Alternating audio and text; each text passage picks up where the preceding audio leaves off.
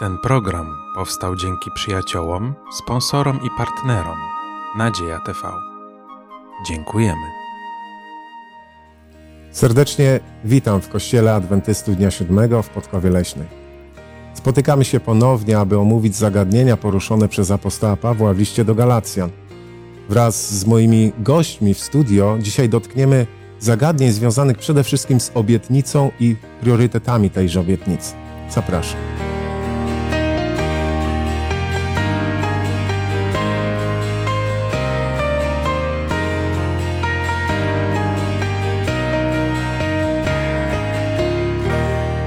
Pora, aby się przedstawić. Ja mam na imię Grzegorz, a wraz ze mną w studiu udział wezmą Władysław, Janusz, Łukasz.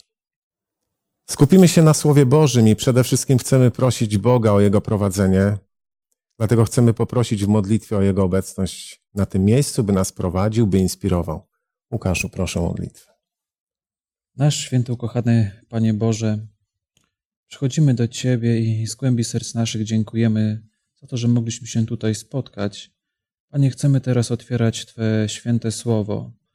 Prosimy, abyś był obecny wśród nas swym Duchem Świętym, dotykał się naszych umysłów, serc, aby wszystko, co tutaj będzie wypowiedziane, było ku naszemu zbudowaniu, ale też i ku Twojej chwale. W drugim imieniu Jezus prosimy o to. Amen. Amen. Amen. Moi drodzy, cieszę się, że możemy podyskutować, e, szczególnie poruszając zagadnienia, które apostoł Paweł starał się wytłumaczyć w liście do Galacjan. List do Galacjan e, jest ciekawym fragmentem Słowa Bożego, dlatego że e, niektórzy określają list jako list napisany ognistymi literami, wręcz, ponieważ jest starcie pewnych poglądów, bardzo szeroko omówionych, ale też zagadnień, które są bardzo szczegółowo y, poruszone. Jest tam nagana, ale jest tam również i błogosławieństwo, taka ojcowska troska. W tym liście możemy znaleźć y, fragmenty, które wskazują na to, jak apostoł Paweł myślał o tych ludziach. Bardzo często starał się ich naprowadzić na właściwą drogę i takie fragmenty znajdziemy. Gdybyśmy porównali list do Galacjan chociażby do innych listów apostoła Pawła, gdzie jest taka pochwała na początku. Jesteście ludźmi wierzącymi, jesteście świętymi. Tutaj na początku tego listu znajdujemy fragment, który wskazuje na troskę apostoła Pawła, jego trochę rozczarowanie, ale zarazem można powiedzieć mm, takie delikatne y, podenerwowanie tym, co się działo właśnie w tym zborze. Dziwię się, że tak prędko dajecie się odwieść od tego, który was powołał w łasce Chrystusowej do innej Ewangelii. Tak czytamy w pierwszym rozdziale wierszu szóstym. I w związku z tym dzisiaj, gdy będziemy mówili o obietnicy, o priorytetach, chciałbym wam zadać e, kilka pytań przynajmniej i mam nadzieję, że e, znajdziemy czas, aby te pytania omówić, taką swobodę, ale radość również w tym, by ubłogosławić się e, wzajemnie naszymi odczuciami, ale też podzielić się pewnym doświadczeniem, naszym rozumieniem niektórych fragmentów Pisma Świętego. Na początek może takie pytanie na rozgrzewkę.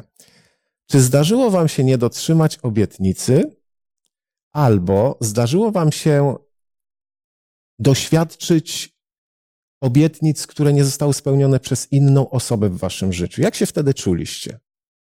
W moim przypadku, jeżeli ktoś mi coś ważnego przyrzekł, obiecał i zawiódł, to mam takie mieszane uczucia. Z jednej strony jest zawód na pewno, a z drugiej strony ciekawość, dlaczego to się stało. Natomiast jeżeli ja kogoś rozczarowałem, to czuję złość na siebie we wzajemnych relacjach coś przestaje funkcjonować. Nie jest już tak dobrze, prawda? Tracimy, wydaje mi się, zaufanie troszkę. Gdy mówimy o obietnicach składanych przez Pana Boga, e, możemy tutaj e, posilić się Księgą Izajasza, chociażby 46 rozdziałem, tam jest wiersz 11, gdzie Bóg zapewnia, że wszystko, co mówi, spełnia się. Bóg tych obietnic dotrzymuje. Ale tak naprawdę, czym jest obietnica? Jak byście zdefiniowali obietnicę? Cóż to takiego? Czy, może, może rozwinę jeszcze to pytanie, czy zapowiedź mówimy w kontekście Boga, Jego działania. Czy zapowiedź i obietnica to to samo, czy też coś zupełnie innego? Bo Bóg niejednokrotnie zapowiadał, jeśli nie będziesz słuchał mojego prawa, nie będziesz dokładnie wyżywał go w życiu, przestrzegał tych wszystkich zasad, to spotka cię to i to i to. To jest pewnego rodzaju zapowiedź. Czy możemy powiedzieć, że obietnica jest czymś podobnym? Ja jeszcze nawiązując do tego wcześniejszego pytania, mm, tak e, w życiu nauczyłem się, że e, raczej trzeba ostrożnym być w składaniu obietnic, bo przyznam szczerze, w jakichś takich może nie aż tak e, poważnych sprawach, ale w takich małych sprawach, chociażby z umówieniem się z kimś na czas, wiele razy zdarzyło mi się nie dotrzymać danej obietnicy. I to mi pokazuje, że jako ludzie naprawdę trudno jest nam często dotrzymać składanych obietnic, chociaż staramy się ze swojej strony to zrobić. Często nie wynika to z naszej złej woli, ale z okoliczności. Natomiast bardzo taką dla nas pocieszającą kwestią jest to, że Bóg wszystkich swoich obietnic dotrzymuje. I że możemy być pewni, że jeśli On nam już złożył jakąś obietnicę, to On na pewno jej dotrzyma. A skąd macie taką pewność? E, no myślę, że czytając historie biblijne możemy e, uczyć się o tym, że wszystkie obietnice, które Bóg dał, dotrzymał. Natomiast e, to pytanie drugie, które było w kwestii tego, że Bóg często da, dawał zapewnienia, że spotkają nas jakieś konsekwencje, raczej nie nazywałbym tego obietnicą, a pewnym stwierdzeniem faktu, że jeśli będziecie źle postępować, to spotkają was takie czy inne konsekwencje. Apostoł Paweł w liście do Galacjan w trzecim rozdziale, werset 18, mówi o obietnicy Bożej jako takim pewniku. On się na to powołuje. Posłuchajcie tego fragmentu Słowa Bożego mm, według Biblii Poznańskiej. Gdyby bowiem dziedzictwo wywodziło się z prawa, nie wywodziłoby się z obietnicy. Tymczasem Bóg przez obietnicę okazał Abrahamowi swoją łaskę. Czy możemy stwierdzić, że w pewnym sensie te obietnice składane przez Pana Boga są taką drogą łaski dla człowieka? Czy w przypadku Abrahama tak można stwierdzić, że to była taka jego droga łaski? Bo apostoł Paweł mówi tu i o łasce, mówi tu o obietnicy, mówi o prawie, o czym zaraz szczegółowo oczywiście porozmawiamy. No można by spojrzeć na to jeszcze inaczej rozważaliśmy, czy jest różnica pomiędzy stwierdzeniem mhm. a obietnicą. Y, obietnica kojarzy nam się z czymś pozytywnym, y, czymś, co, co przyniesie nam jakieś korzyści. Ja sądzę, że nawet w zapowiedziach Bożych tam są obietnice. Mhm. I, I rzetelność Boga, uczciwość Boga każe powiedzieć, co się stanie, gdy dotknie nas jakieś szczęście czy nieszczęście spowodowane naszym stosunkiem do Niego samego. Mhm. A więc, y, jeżeli będę Mu niewierny i On mi zapowiada, że wtedy będzie mi gorzej niż wtedy, gdy jestem z Nim. To jest też obietnica. Mhm. Oczywiście. Tu możemy innym przykładem się posłużyć, chociażby Niniwa, czas Jonasza, który zostaje posłany, jest zapowiedź zniszczenia miasta, mhm. ale Bóg daje obietnicę. Jeśli się nawrócicie, to ja was ocalę, prawda? Będziecie po prostu żyli. I w tym doświadczeniu e, odnajduje się e, Abraham. Czy rzeczywiście można powiedzieć, że w życiu Abrahama ta obietnica no, była czymś wszystkim, czymś, co wypełniało całe jego jestestwo, tę duchowość, drogę do Pana Boga. Czy tak naprawdę on nie potrzebował tego prawa? Czy można stwierdzić, że w czasach, e, kiedy żył Abraham, tego prawa nie było? Są takie poglądy, że prawo zostało nadane w pewnym momencie, natomiast Abraham e, mógł się niekoniecznie kierować prawem, ale tymi właśnie obietnicami. Jak się na to zapatrujecie? Było prawo, czy tego prawa nie było? Proszę bardzo. Myślę, że e, na kartach Biblii e, mamy wiele takich przykładów, że Bóg e, ma takie podejście holistyczne, całościowe do człowieka i kiedy mówi o jego dobru, to mówi nie tylko o tym, że to jest dobro duchowe, ale fizyczne i różne inne, które materialne, którego spotka. I tak samo tutaj, kiedy myślimy o Abrahamie i o tym, jakie Bóg dał jemu obietnice, to można spojrzeć na to całościowo, że zachowanie Abrahama i jego postępowanie świadczy o tym, że on zachowywał również prawo. I mimo, że do tego czasu nie było ono spisane w formie takiej, jak później było, było nadane na Synaju, to jednak kontekst jego całego życia świadczy o tym, że on do tego się stosował. Gdyby tak postawić kropkę nad i i y, gdybyśmy mogli jeszcze, mm, podsumowując tą Twoją wypowiedź, przeczytać jeden fragment ze Słowa Bożego, Księga Rodzaju, 26 rozdział, werset 5, gdzie jest potwierdzenie tego, że Abraham był wierny w tym chodzeniu z Bogiem i znał prawo Boże. 26 rozdział, werset 5, Księga Rodzaju. Dlatego, że Abraham był posłuszny głosowi mojemu i strzegł tego, co mu poleciłem, przykazań moich przepisów moich i praw moich. Czyli można stwierdzić, że Abraham znał prawa Boże, znał przykazania Boże i je wyżywał w swoim życiu. Bóg się na to powołuje. Bardzo proszę. Tak, oczywiście. Y, one nie były spisane. One były przekazywane w tym, tym układzie patriarchalnym z ojca na syna. Y, I mamy kolejny tekst, y, również w Księdze Rodzaju, w rozdziale tym razem osiemnastym i w wierszu dziewiętnastym Bóg wydaje takie świadectwo o Abrahamie w związku z jego znajomością prawa. I co dalej? Wybrałem go bowiem, aby nakazał synom swoim i domowi swemu po sobie strzec drogi Pana, aby zachowywali sprawiedliwość i prawo, tak żeby Pan mógł wypełnić względem Abrahama to, co mu powiedział. Mhm. A więc y, nawet ta obietnica była uzależniona od tej wierności. Chyba na bazie tej wierności Bóg rozmawiał też z Abrahamem i jego wytypował jako kogoś, kto potrafi obietnicę y, połączyć z prawem. Mhm. Prawo z obietnicą. Pewne uzależnienia tutaj są. Tu pada taki ciekawy zwrot. Strzec drogi Pana. Cóż to może oznaczać? Strzec drogi Pana.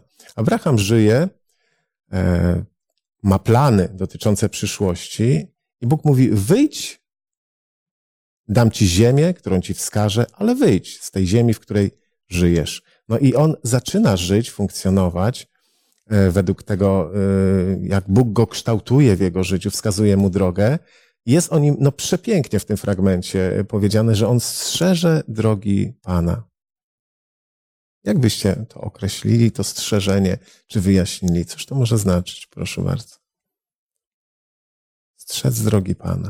To jest chyba to zaufanie do Boga, który mhm. polecił mu opuścić wcześniejsze warunki i podążyć za nim. On nie rozumie do końca, bo skądinąd wiemy, że jego imię, już zmienione później na Abraham, oznaczało ojciec mnóstwa. Nie ma dzieci, ma sto lat, ale on szczerze tej drogi. Bóg wie, co powiedział, wobec tego ja pójdę dalej według jego wskazań. Mhm. Myślę, że tutaj można też z samego tego słowa powiedzieć, że jeśli mówimy o czymś, o czymś, że strzeżemy tego, to znaczy, że zwracamy na to uwagę. Jest to dla nas ważny, jest w centrum naszych zainteresowań. I tak samo jak Bóg wyraża się o Abrahamie, że on strzegł jego drogi, strzegł jego prawa, to można przełożyć na nasz język, kierował się nim, było ono dla niego wyznacznikiem, kierowało w jego postępowaniu, w podejmowaniu decyzji. Pilnujemy czegoś, prawda? To, to słusznie zauważyłeś, strzeżemy, strzeżemy czegoś. Y, słyszałem kiedyś taką historię y, żołnierza, który u stóp Wezuwiusza zginął i można powiedzieć, że ten żar, ta, ta, ta lawa, która wylewała się, no, utrwaliła jego ciało na posterunku, tak jak stał. Nikt nie przyszedł zwolnić go z posterunku. On strzegł i trwał tego posterunku i poświęcił życie. I został, można powiedzieć, tak, tak odnaleziona w zasadzie jego, jego szczątki. Y, gdy myślę o tej ilustracji, gdy myślę o tej historii, to właśnie zawsze mi się to kojarzy z tymi drogami Bożymi. One są, one są wytyczone, one są wskazane, a my możemy je strzec w naszym życiu, możemy też innym wskazywać tę właśnie drogę. I to jest przepiękne w życiu, w życiu Abrahama, który żył tą obietnicą. I ta obietnica była formą przymierza z Bogiem, prawda? Co Bóg mu obiecał? Co Bóg obiecał Abrahamowi? Cóż to była za obietnica? No, może moglibyśmy króciutko przypomnieć, co tam było obiecane Abrahamowi?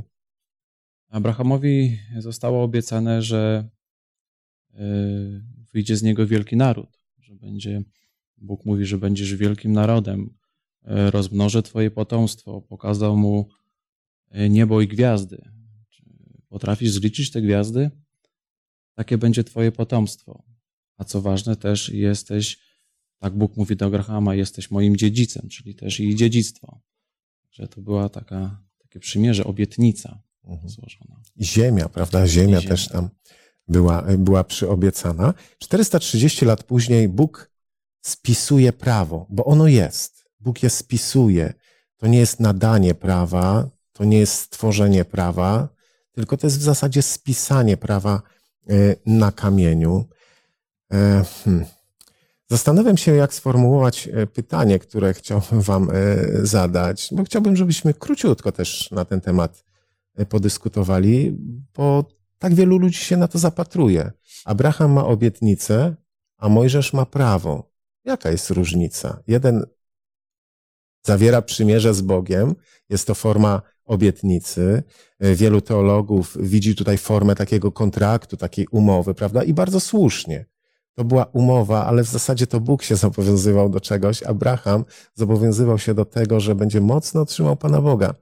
E, będzie trzymał się wiarą tego, co Bóg przyobiecał i tą drogą podążał. Bóg nadaje na Synaju prawo 430 lat później. Czy była jakaś różnica? Coś zostało zmienione, zniesione? Bo mówimy o prawie, obietnicy. No i tak jak wspomniałem, Mojżesz ma to prawo, Boże prawo, które dzisiaj też znamy. Abraham ma obietnicę. Może jeszcze, Proszę bardzo. to jest uroda, dzisiejszej naszej rozmowy, żeby wracać jeszcze do wcześniejszych już dotkniętych spraw. Abraham miał jeszcze jedną obietnicę, że w jego potomku będą błogosławione wszystkie mhm. narody ziemi. Mhm. I apostoł Paweł później y, akcentuje bardzo wyraźnie, mówi, nie mówi już tu o potomstwie, o tym, jak liczny będzie naród, który y, powstanie, ale że będzie też potomek, który stanie się błogosławieństwem wszystkich narodów. Była to cudowna mesjanistyczna zapowiedź, mhm. jak y, z Nowego Testamentu już również spod pióra natchnionych pisarzy dowiadujemy się. Mhm. Mhm. Dziękuję bardzo wracając do, y, czy rozwijając ten, y, ten, ten, ten wątek, no właśnie mamy, mamy tę obietnicę, o której cały czas, y, cały czas mówimy. Abraham ma to zapewnienie, że Bóg będzie mu błogosławił i jego potomstwu jest ta ziemia, której w zasadzie cały czas szuka, wędruje z miejsca na miejsce. Bóg mówi, to jest ta ziemia, ja ci ją daję, ale mieszkał pod namiotem całe, całe swoje życie. No i mija cztery wieki i jest później nadane prawo. Czy to jest uzupełnienie, czy jest jakaś zmiana? Myślę, że to jest bardzo ważne zagadnienie, ponieważ troszkę czasu poświęcimy prawu i, i ważne, żebyśmy spróbowali odpowiedzieć na to pytanie, bo dzisiaj wielu pyta, czy prawo dalej obowiązuje, czy tylko ta obietnica, ta droga łaski dzisiaj jest y, wystarczająca. Więc jak wam się wydaje, czy to była zmiana, uzupełnienie, aneks do umowy, rozszerzenie pewnych zasad? Gdybyśmy to tak zebrali, razem. Nawet podsumowując to, co już powiedzieliśmy. Proszę bardzo. Myślę, że trudnością z naszego punktu widzenia jest to, że opieramy się dzisiaj już tylko na zapisanych rzeczach, które są dostępne w jakiś spisany sposób. Słowne przekazy już nie są tak ważne, natomiast myślę, że w tamtych czasach słowne przekazy były równie ważne i stąd przed Abrahamem wszystko przekazywano słownie, tak jak już tutaj mhm. wspomnieliśmy, wspomnieliśmy.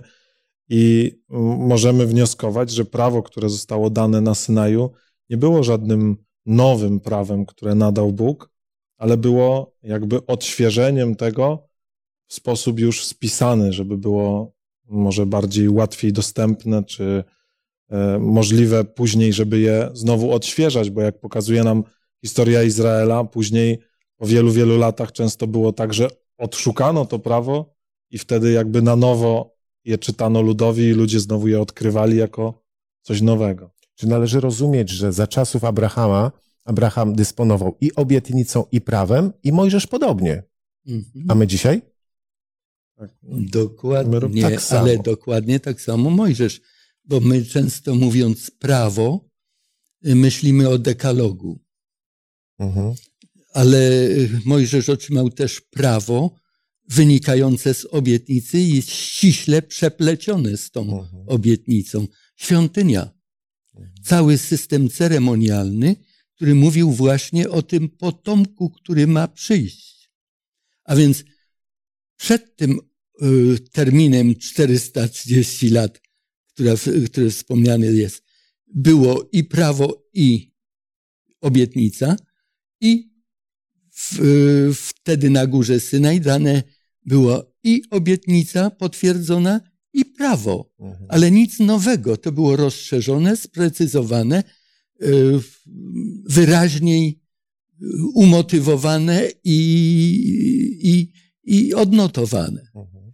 Mówiąc o prawie dzisiaj, oczywiście ono jest, y, dekalog jest doskonały, jak mówi Słowo Boże, ale wielu ludzi twierdzi, że wiara i tylko wiara, sprawiedliwy z wiary żyć będzie.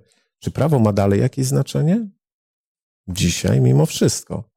Gdy żyjemy, przede wszystkim wiarą się kierujemy. Chrystus przyszedł, wypełnił to prawo doskonale. No i czy to prawo, które było nadane kiedyś, ma dalej takie znaczenie jak dzisiaj? Myśląc o prawie, mm, może troszkę jeszcze ogólnie powiem, jak ja podchodzę do prawa, które nadał Bóg. E, Uważam, że każdy z nas pewnie też, że Bóg jest miłością i prawo, które On nadał, mówiąc konkretnie na przykład o samym dekalogu, jest prawem miłości. I, i to prawo tak naprawdę e, nie zmusza nas do niczego, tylko jest nam potrzebne, nam, a nie Bogu. Po to, aby e, patrzeć w to prawo i je przestrzegać, widzieć obraz Boga. Tak? I my zostaliśmy stworzeni też na obraz Boga, ale grzech odłączył nas od naszego Pana i po to też zostało to prawo tak naprawdę przypomniane ludziom, aby, się aby go stosowali. E, Ale pytanie było, czy coś się zmieniło, tak? Bo niektóre prawa Boże, tak jak tutaj było powiedziane, prawo to, to czy ceremonialne, świątynne, po prostu zostało wypełnione, kiedy przyszedł Chrystus, więc zmiana na pewno była. Tak? Myślę, że tutaj jeszcze ważnym warto dodać, że często, e, tak jak Władysław wspomniał, e, jeśli my myślimy o prawie, to myślimy o przykazaniach, o dekalogu.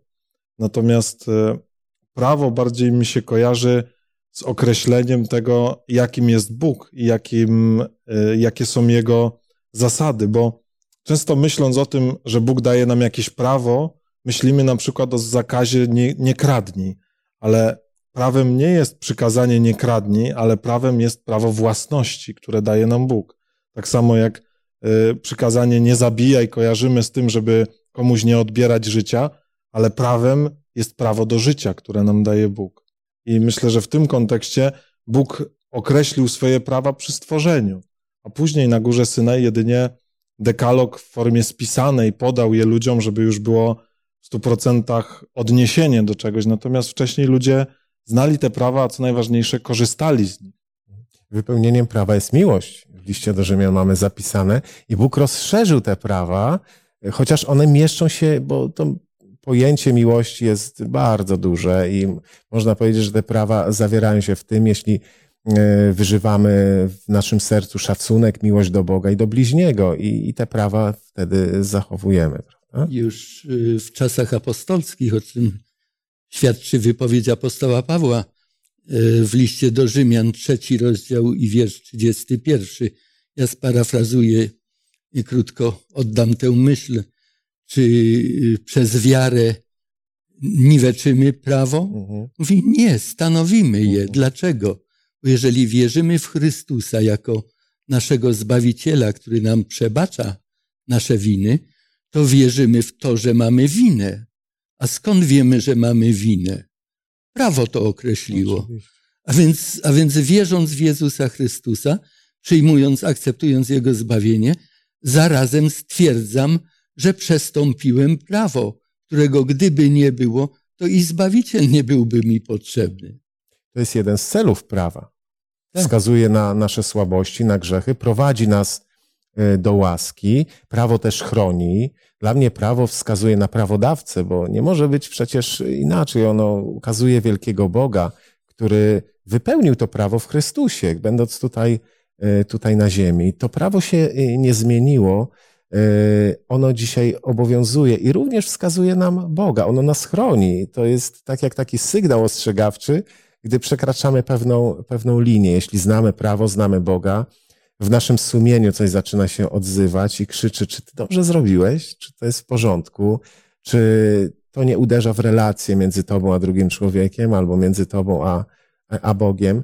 Pamiętacie, na pewno pamiętacie modlitwę Józefa, czy nie wystąpię przeciwko Panu tego domu i przeciwko Bogu, jeśli to zrobię, ulegnę tej pokusie, no, która pojawiła się w jego, w jego życiu. Więc prawo ma naprawdę wiele, e, wiele zadań, ale niektórzy bardzo mocno podkreślają, że jak jest łaska dzisiaj, to prawo ma mniejsze, mniejsze znaczenie. Sięgnijmy do dwóch fragmentów e, z Pisma Świętego. Łukaszu, chciałbym Cię poprosić o przeczytanie siódmego wiersza z trzeciego rozdziału listu do Galacjan, a Janusza chciałbym poprosić o przeczytanie fragmentu z listu świętego Jakuba z drugiego rozdziału, werset 24. Może w takiej kolejności. Najpierw list do Galacjan. Z tego możecie poznać, że ci, którzy są z wiary, są synami Abrahama. Teraz Janusz, bardzo proszę. Wiedzcie, że człowiek bywa usprawiedliwiony z uczynków, a nie jedynie z wiary. Jak połączyć te dwa fragmenty Słowa Bożego? Tutaj mowa o usprawiedliwieniu z wiary w życiu Abrahama. E, tutaj fragment, który wskazuje na uczynki również i ich rolę. Jakbyśmy połączyli te dwa fragmenty Słowa Bożego? Oni czytali przeciwne sobie teksty, to ja spróbuję coś powiedzieć, jak ich pogodzić. Mhm. Abraham uwierzył i poszedł. Jakub mówi, wiara bez uczynków jest martwa. Nie istnieje. A więc chodzi o czynną wiarę, która powoduje, że człowiek y, podąża za głosem Bożym. To robił Abraham. Mhm. Dziękuję bardzo. Ja posługuję się też taką ilustracją.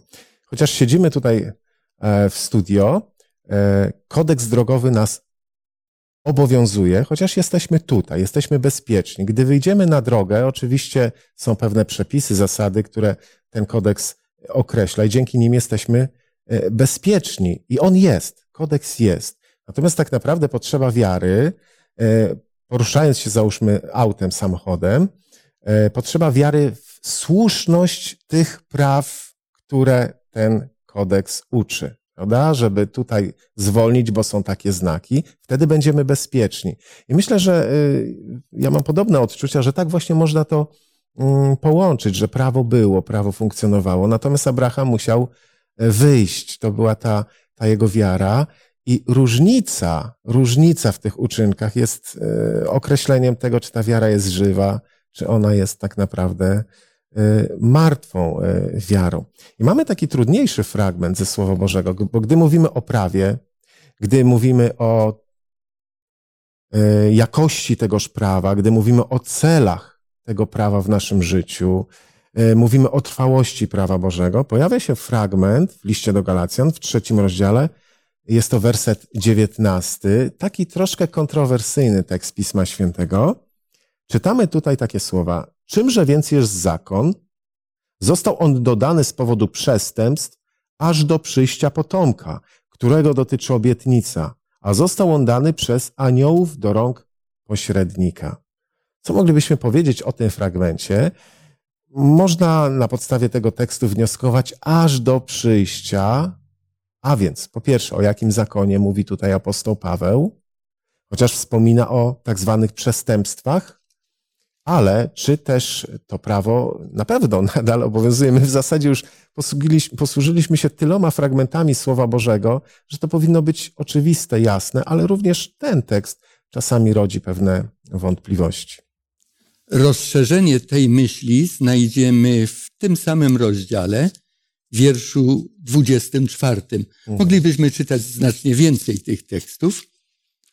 Tak więc zakon był naszym przewodnikiem do Chrystusa, abyśmy z wiary zostali usprawiedliwieni. A gdy przyszła wiara, już nie jesteśmy pod opieką przewodnika.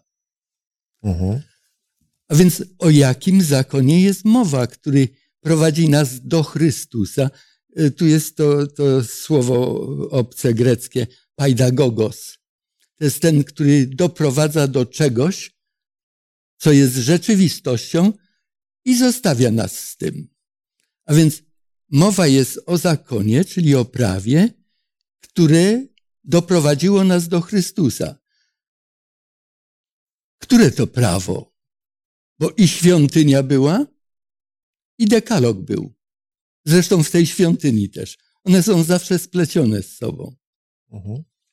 Gdy mówimy o, o liście do Galacjan, tak. tam wielokrotnie apostoł Paweł, mówiąc zakon, ma na myśli i moralny, i ceremonialny. Tak. Zresztą on był mistrzem w używaniu słowa zakon, ponieważ e, cytując inne jego listy chociażby, możemy znaleźć nawiązanie do zakonu życia, zakonu śmierci i inne tym podobne e, zwroty znajdziemy właśnie w fragmentach, które Bóg poprzez Pawła, Pawła spisał. I to jest bardzo istotne, aby, aby nie twierdzić, to jest ten albo ten, skoro mhm. mamy dwa.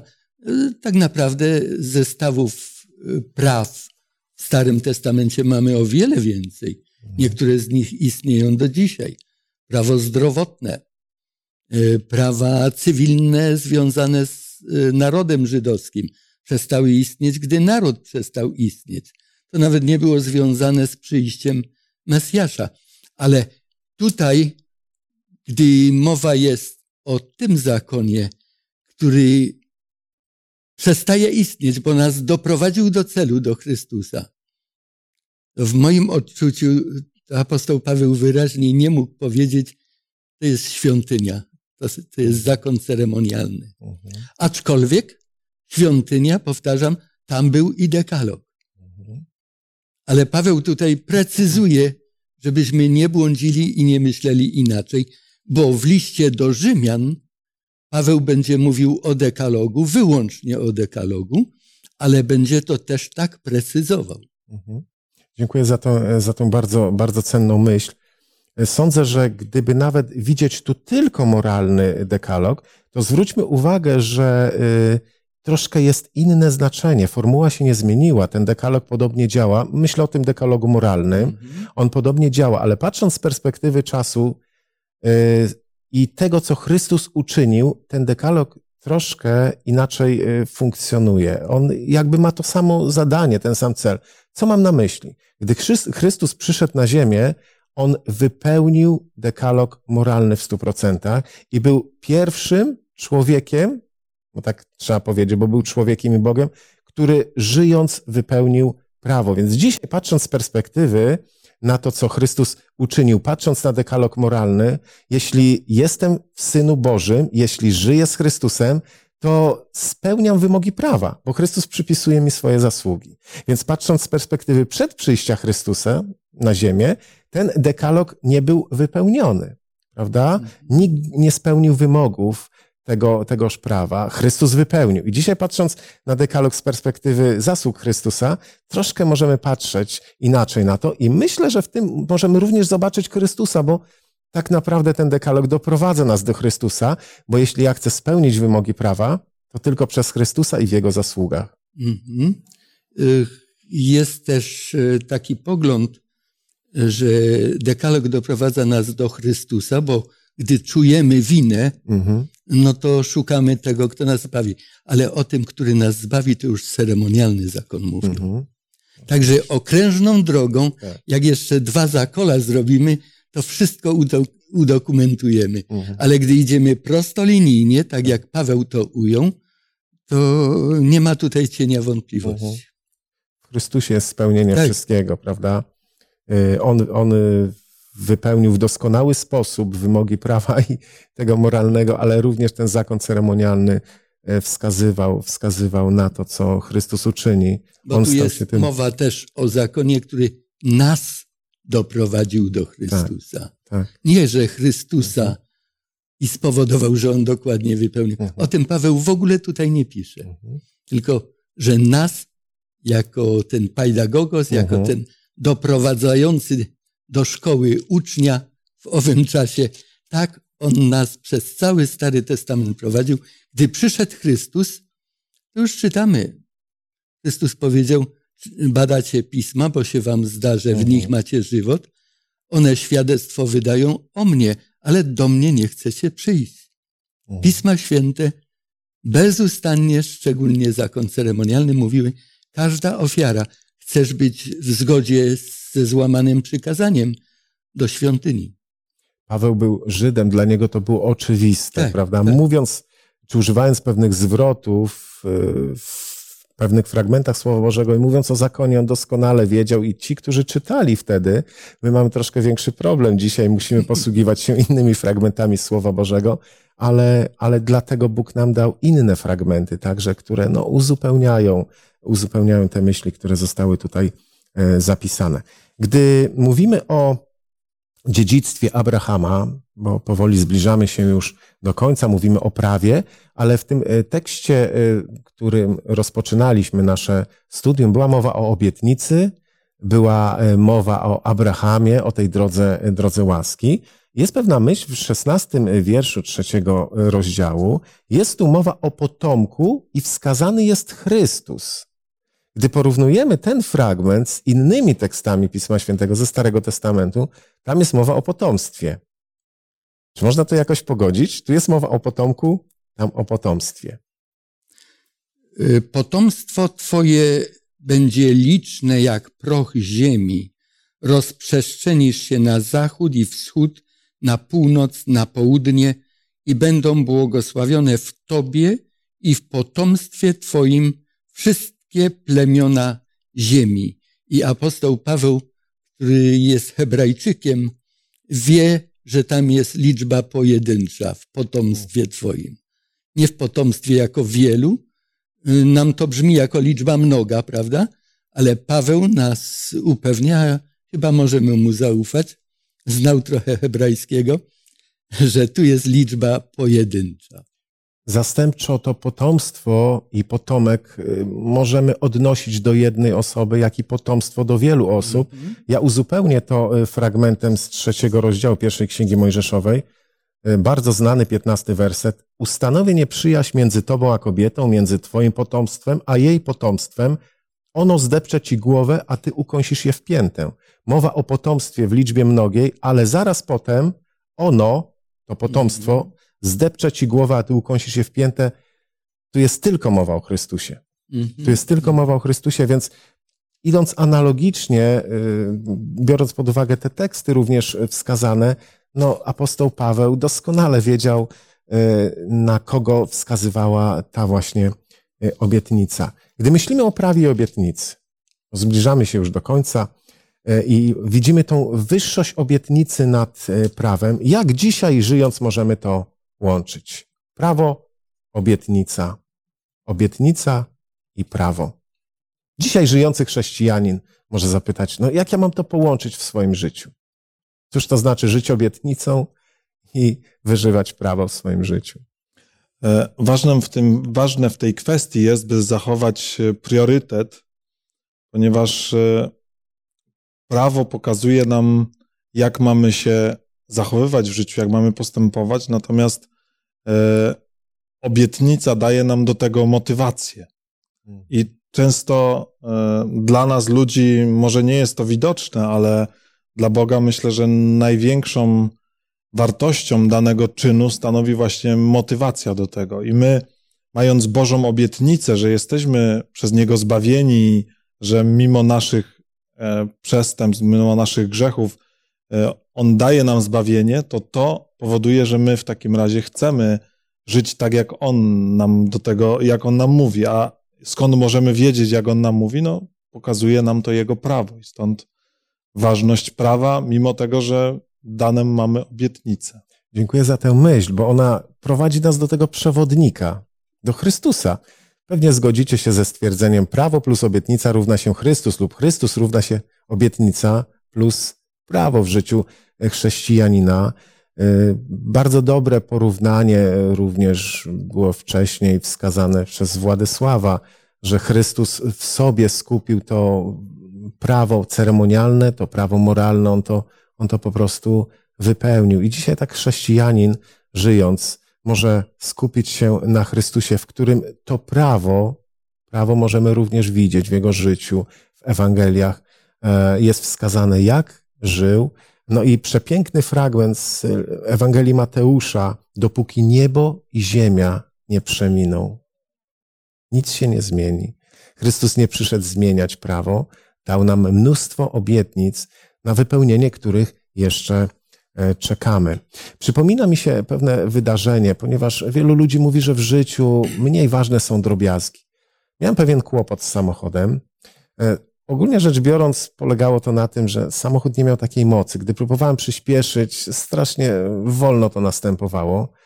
I mój dobry przyjaciel, który zajmuje się mechaniką, powiedział, że to jest czujnik przepływu powietrza, który w zasadzie nie ma żadnego znaczenia, ale powoduje to, że samochód nie ma mocy.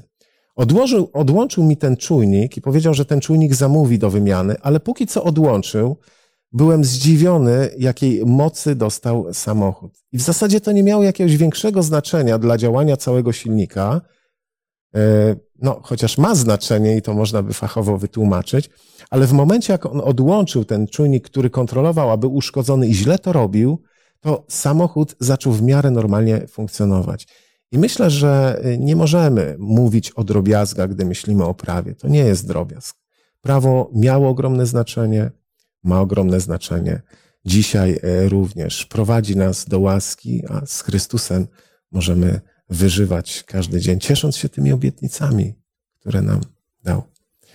Dziękuję za wszystkie myśli, uwagi, którymi zechcieliście się podzielić. Dziękuję także naszym e, widzom, widzom Nadzieja TV za wasze uczestnictwo, za wasz udział. Niech was Bóg szczególnie prowadzi, błogosławi was i darzy błogosławieństwem, gdy myślicie o Jego obietnicach. On na pewno je wypełni. Cieszy to nas bardzo i chcemy Mu za to podziękować w modlitwie. Władysławie, bardzo proszę. Umiłowany nasz niebiański Ojcze, chcemy Ci podziękować za to, że mieliśmy możliwość w tym gronie rozmawiać o Tobie, o Twoich obietnicach, o Twoim prawie, o Twoim charakterze i o tym, za czym tęsknimy. Dziękujemy za Jezusa Chrystusa, naszego Zbawiciela, który wypełnił tę część prawa Twojego, które zawierało obietnice. Dziękujemy Ci za to, że On przebacza nam nasze winy i grzechy i daje siły do lepszego życia. Chcemy być do Ciebie podobni, nasz Panie, i chcemy być z Tobą w Twoim Królestwie. Proszę o błogosławieństwo również i dla tych, którzy gdzieś tam w różnych miejscach, w swoich domach brali udział również w naszej dyskusji. Niech pokój Twój będzie z nami wszystkimi. Amen. Amen. Życząc błogosławionego tygodnia, chciałbym zaprosić na kolejne studium Słowa Bożego, którego tytuł brzmi Droga do wiary. Serdecznie zapraszam.